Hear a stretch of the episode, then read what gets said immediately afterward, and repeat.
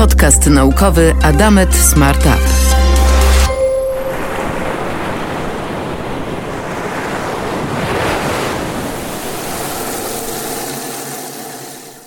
Woda. 60% naszego ciała. Nasze serce składa się w 73% z wody, a płuca to ponad 80%. Nawet kości są wodniste. 30% naszych kości to woda. I co najważniejsze, mózg to także w ponad 70% woda. Susza. Kolejny rok polska ziemia wysycha. Mokradła wysychają. Polska ma od mniej więcej 10 lat permanentną suszę letnią. Według wielu międzynarodowych agencji nawet 40% ludzi na świecie nie ma odpowiedniego dostępu do wody, albo z powodu suszy, albo z powodu zanieczyszczeń. Dlatego dzisiaj porozmawiamy z osobami, które walczą o wodę. Ale walczą tak, jak my w Adamet Smart Up lubimy najbardziej. Ich bronią jest nauka. Rozmawiam z doktorem habilitowanym Mikołajem Piniewskim, laureatem programu Fundacji na Rzecz Nauki Polskiej, pracującym w Katedrze Hydrologii, Meteorologii i Gospodarki Wodnej Szkoły Głównej Gospodarstwa Wiejskiego. Specjalizuje się Pan w badaniu wpływu zmian klimatu na zasoby wodne. W jaki sposób Pana praca pomaga poradzić sobie z tym wyzwaniem? Dominującym wątkiem mojej pracy badawczej jest modelowanie zjawisk hydrologicznych. I tu musimy sobie wyjaśnić parę tych prostych terminów. Czym jest modelowanie? Modelowanie matematyczne jest wykorzystaniem aparatu matematycznego, a zatem przede wszystkim równań do opisu działania jakiegoś systemu. W hydrologii takim systemem jest na ogół zlewnia rzeczna i mówimy wówczas o opisie matematycznym wszystkich procesów, które zachodzą w tej zlewni, czyli opadu, parowania, odpływu, skupiając się na tych najważniejszych. System może być też zawężony do jakiegoś odcinka rzeki i wówczas opisujemy transport wody na tym odcinku. Wówczas niewiadomymi mogą być stan wody w korycie, czy też natężenie przepływu, a parametrami takiego modelu szorstkość znaczy spadek rzeki. To taki przykład. Mhm. Współcześnie, ale tak naprawdę już od dziesiątek lat te modele matematyczne zapisuje się w postaci kodu komputerowego. W tym momencie stają się one programami, a praca modelarza, czyli takiej osoby jak ja, polega m.in. na przetwarzaniu danych wejściowych, na definiowaniu parametrów modelu, uruchamianiu symulacji, wizualizacji wyników i ich analizie. Przechodząc do odpowiedzi na pytanie, jak powiedział znany brytyjski statystyk George Box, wszystkie modele są błędne, ale część z nich jest użyteczna. Do czego zatem użyteczne są nam modele hydrologiczne?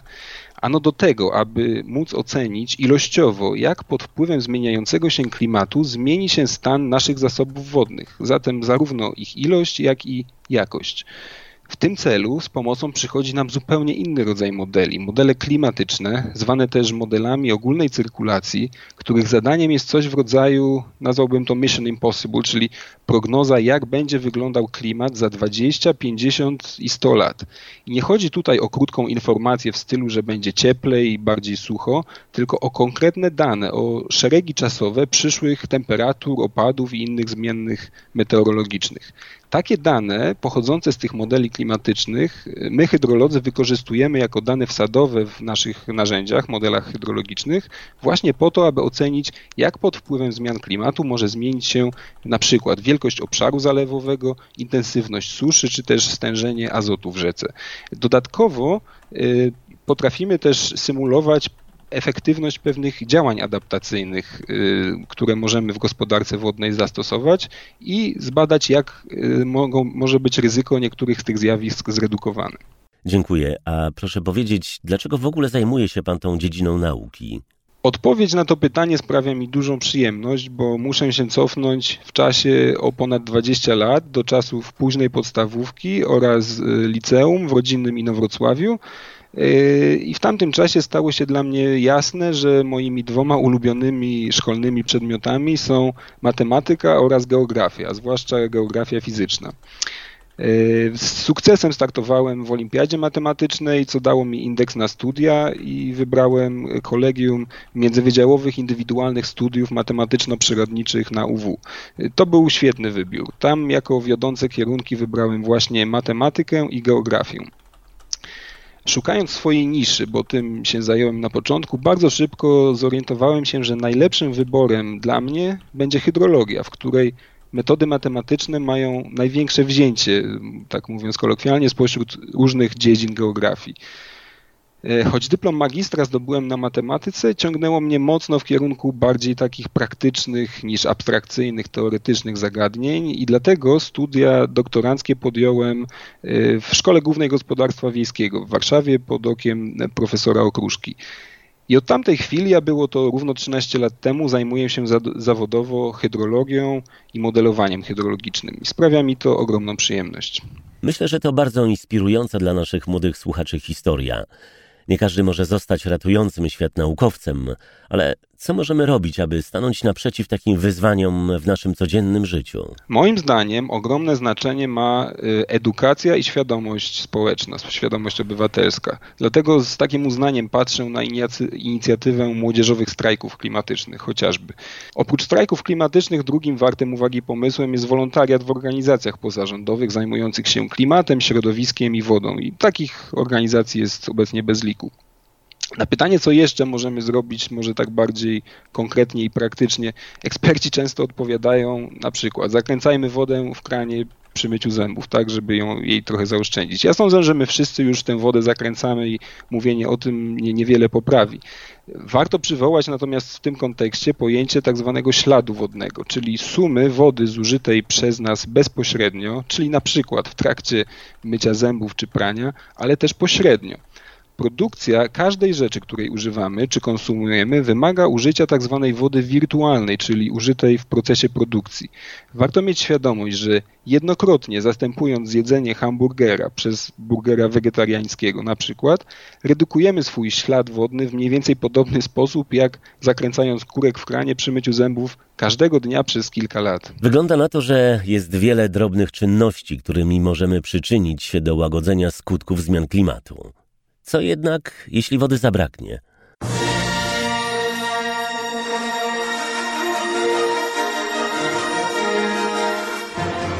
W oryginalnym filmie Gwiezdne Wojny z 1977 roku główny bohater desperacko chciał opuścić planetę Tatooine, gdzie jego rodzina handlowała wilgocią z atmosfery za pomocą urządzeń zwanych parownikami. W gorącym i suchym pustynnym krajobrazie planety hodowla wilgoci była ważnym działaniem na rzecz przetrwania. Doktor habilitowana inżynier Urszula Stachewicz z Wydziału Inżynierii Metali i Informatyki Przemysłowej Akademii Górniczo-Hutniczej w Krakowie, laureatka nagród naukowych Polityki 2016 i stypendystka Uniwersytetu Cambridge, inspiruje się rozwiązaniami konstrukcyjnymi występującymi w przyrodzie, np. w liściach czy pajęczych sieciach i pracuje także nad poprawą efektywności kolektorów pozyskujących wodę z mgły. Pani doktor jak to działa? Zajmujemy się właśnie e, takimi procesami, w których możemy pozyskać tutaj rzeczywiście wodę z mgły, albo także z innych procesów. To jest także deszczowa woda, albo może być to z tak zwanych procesów kondensacji, czyli skraplania, tak zwanego wynikającego tutaj z różnicy temperatur. Więc próbujemy zbierać właśnie te kropelki, życiodajne kropelki wody e, na powierzchni e, włókien polimerowych, czy też nanowłókien, czyli mówimy tutaj o czymś coraz mniejszym od włosa ludzkiego. Mm, I włókna te produkujemy tutaj e, przy zastosowaniu metody elektroprzędzenia, czyli do takiego roztworu polimeru, czyli jakiegoś roztworu, na przykład jak sobie rozpuścimy e, cukier w wodzie, czy też rozpuszczamy polimer w innych rozpuszczalnikach, przykładamy wysokie napięcie i z powodu tego oddziaływania elektrostetycznego no, ładunki wyciągają nam właśnie tego typu włókna, podczas którego procesu ten rozpuszczalnik odparowuje i tworzymy sobie takie nici troszeczkę jakby pajęcze. E, więc stąd też bierze się tutaj taka inspiracja z natury, że możemy zbierać właśnie krople wody, podobnie jak to robią sobie pająki e, na tych właśnie sieciach. Więc tego typu włókna mogą być włączone w istniejące już technologie tak zwanych fog water collectors, czyli kolektorów wody z mgły, e, aby zwiększyć ich efektywność. Dziękuję za wyjaśnienie. W wielu opisach pani badań możemy przeczytać, że zainspirowała panią natura. Jak to było? Jak się wpada na takie genialne pomysły? To jest czasami często przypadek, tak? Albo rozmawiamy, coś zauważymy i coś wpada do głowy niesamowitego i możemy, a może to przypomina mi to, i możemy to rozwiązać w taki niewinny sposób i może to być prostsza metoda i tańsza i, e, i bardziej ekologiczna, więc y, Czasami jest to dzieło przypadku, czasami coś czytamy i mówimy, ale przecież ja się zajmuję tym, to może to być zastosowane do tego i tego. Więc um, jest to bardzo kreatywna praca bycie naukowcem. E, I, I naukowiec się nigdy nie nudzi, czyli zawsze jest w stanie stworzyć coś, coś ciekawego, jak tylko chce i wykorzystać. Więc tu mówimy o różnych dziedzinach nauki, które mogą być też łączone ze sobą, e, co wpływa na to, że jest jeszcze się bardziej kreatywny, bo się wykorzystuje rzeczy, które w jednej dziedzinie są stosowane, potem w drugiej, a jak to połączymy, no to powstają niesamowite rzeczy, które można studiować i badać sobie na różny sposób, a przy okazji stworzyć coś bardzo użytecznego, tak? Technologia czy nauka jest po to, aby pomagać ludzkości, pomagać innym w różnych rodzaju rozwiązaniach czy obciążeniach e, i żeby ułatwić sobie to życie w jakiś taki sposób. W jaki sposób i kiedy prace Pani zespołu mogą przydać się zwykłym ludziom? E, to znaczy te y, y, fog water collectors, kolektory wody z mgły, one, one są używane, tak? Może nie są tak popularne w Polsce, ale na pewno o wiele bardziej w Azji y, czy też Ameryce Południowej. A nasz wynalazek polega na tym, że my chcemy integrować te włókna, które my produkujemy z już, że tak powiem, z produktami dostępnymi na rynku, które można kupić. No to jest troszeczkę trudniejszy proces, ponieważ jeżeli my zwiększamy efektywność, to jest też sprawa biznesowa, y, którą nie zawsze naukowcy potrafią się tak dobrze zająć, y, więc y, troszeczkę to chyba potrwa, ale mam nadzieję, że kiedyś znajdzie swoje miejsce na, na rynku w taki czy nie inny sposób, a że, że będzie mogło być użyteczne. Dziękuję za rozmowę. Słuchacie podcastu naukowego Adamet Smartup. Więcej o programie wspierającym naukowe pasje polskiej młodzieży przeczytacie na adametsmartup.pl.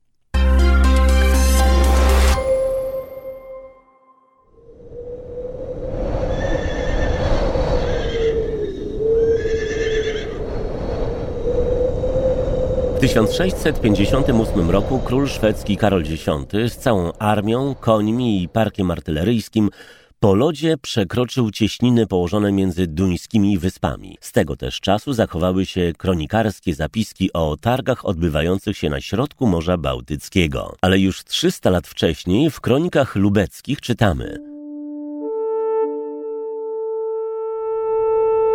Było bowiem między Danią, słowiańskim krajem i Jutlandią zamarznięte całe Morze Bałtyckie.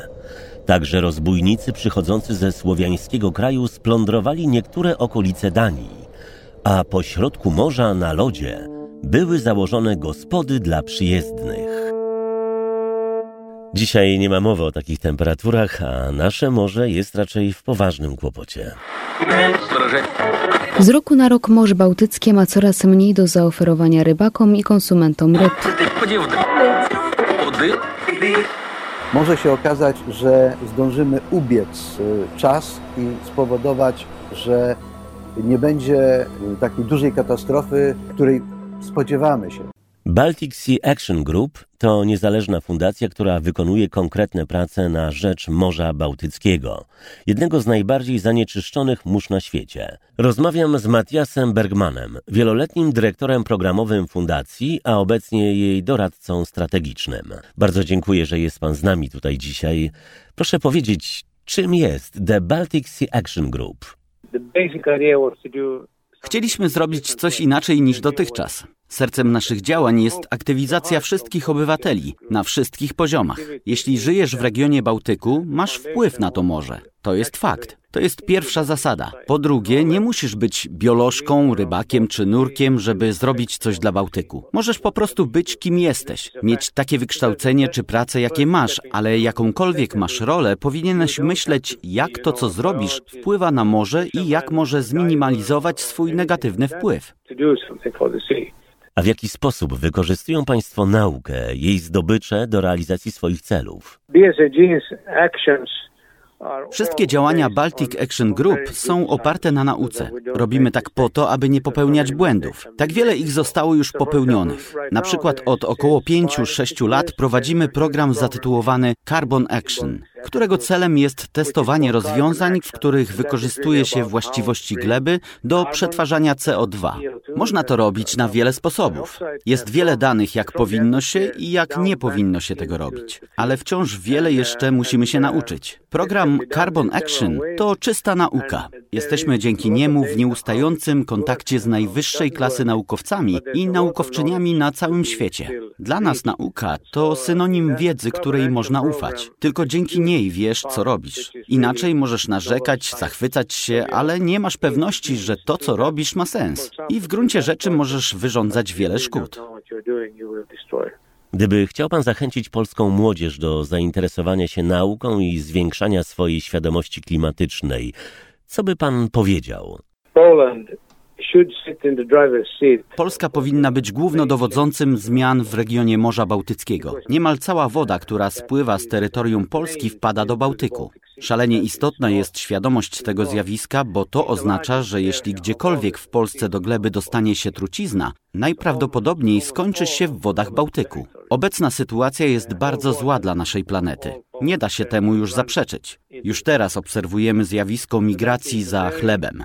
Przemieszczają się osoby, które nie mają dostępu do terenów, na których można uprawiać żywność.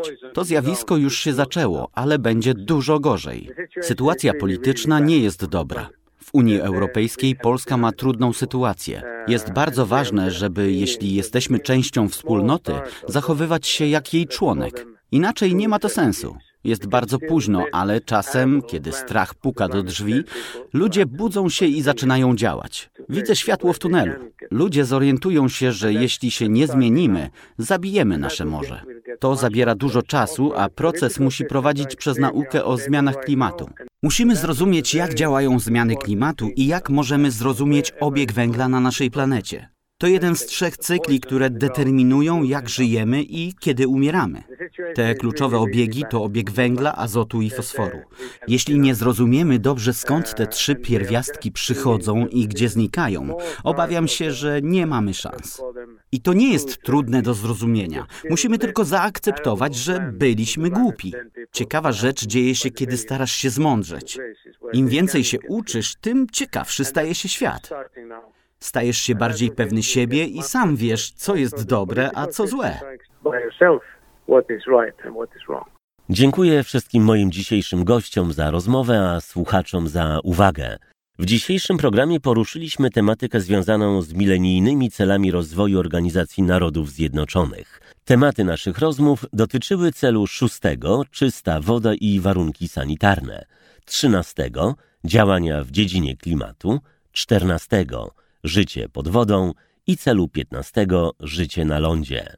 Jeśli podcast Wam się podobał, prosimy polećcie go innym osobom i koniecznie subskrybujcie, aby nie przeoczyć kolejnych odsłon. W kolejnym odcinku porozmawiamy o tym, jak nauka może pomóc adresować wyzwania związane z drugim żywiołem, z powietrzem. Scenariusz i research Agata Stafiej-Bartosik. Montaż Błażej Grygiel.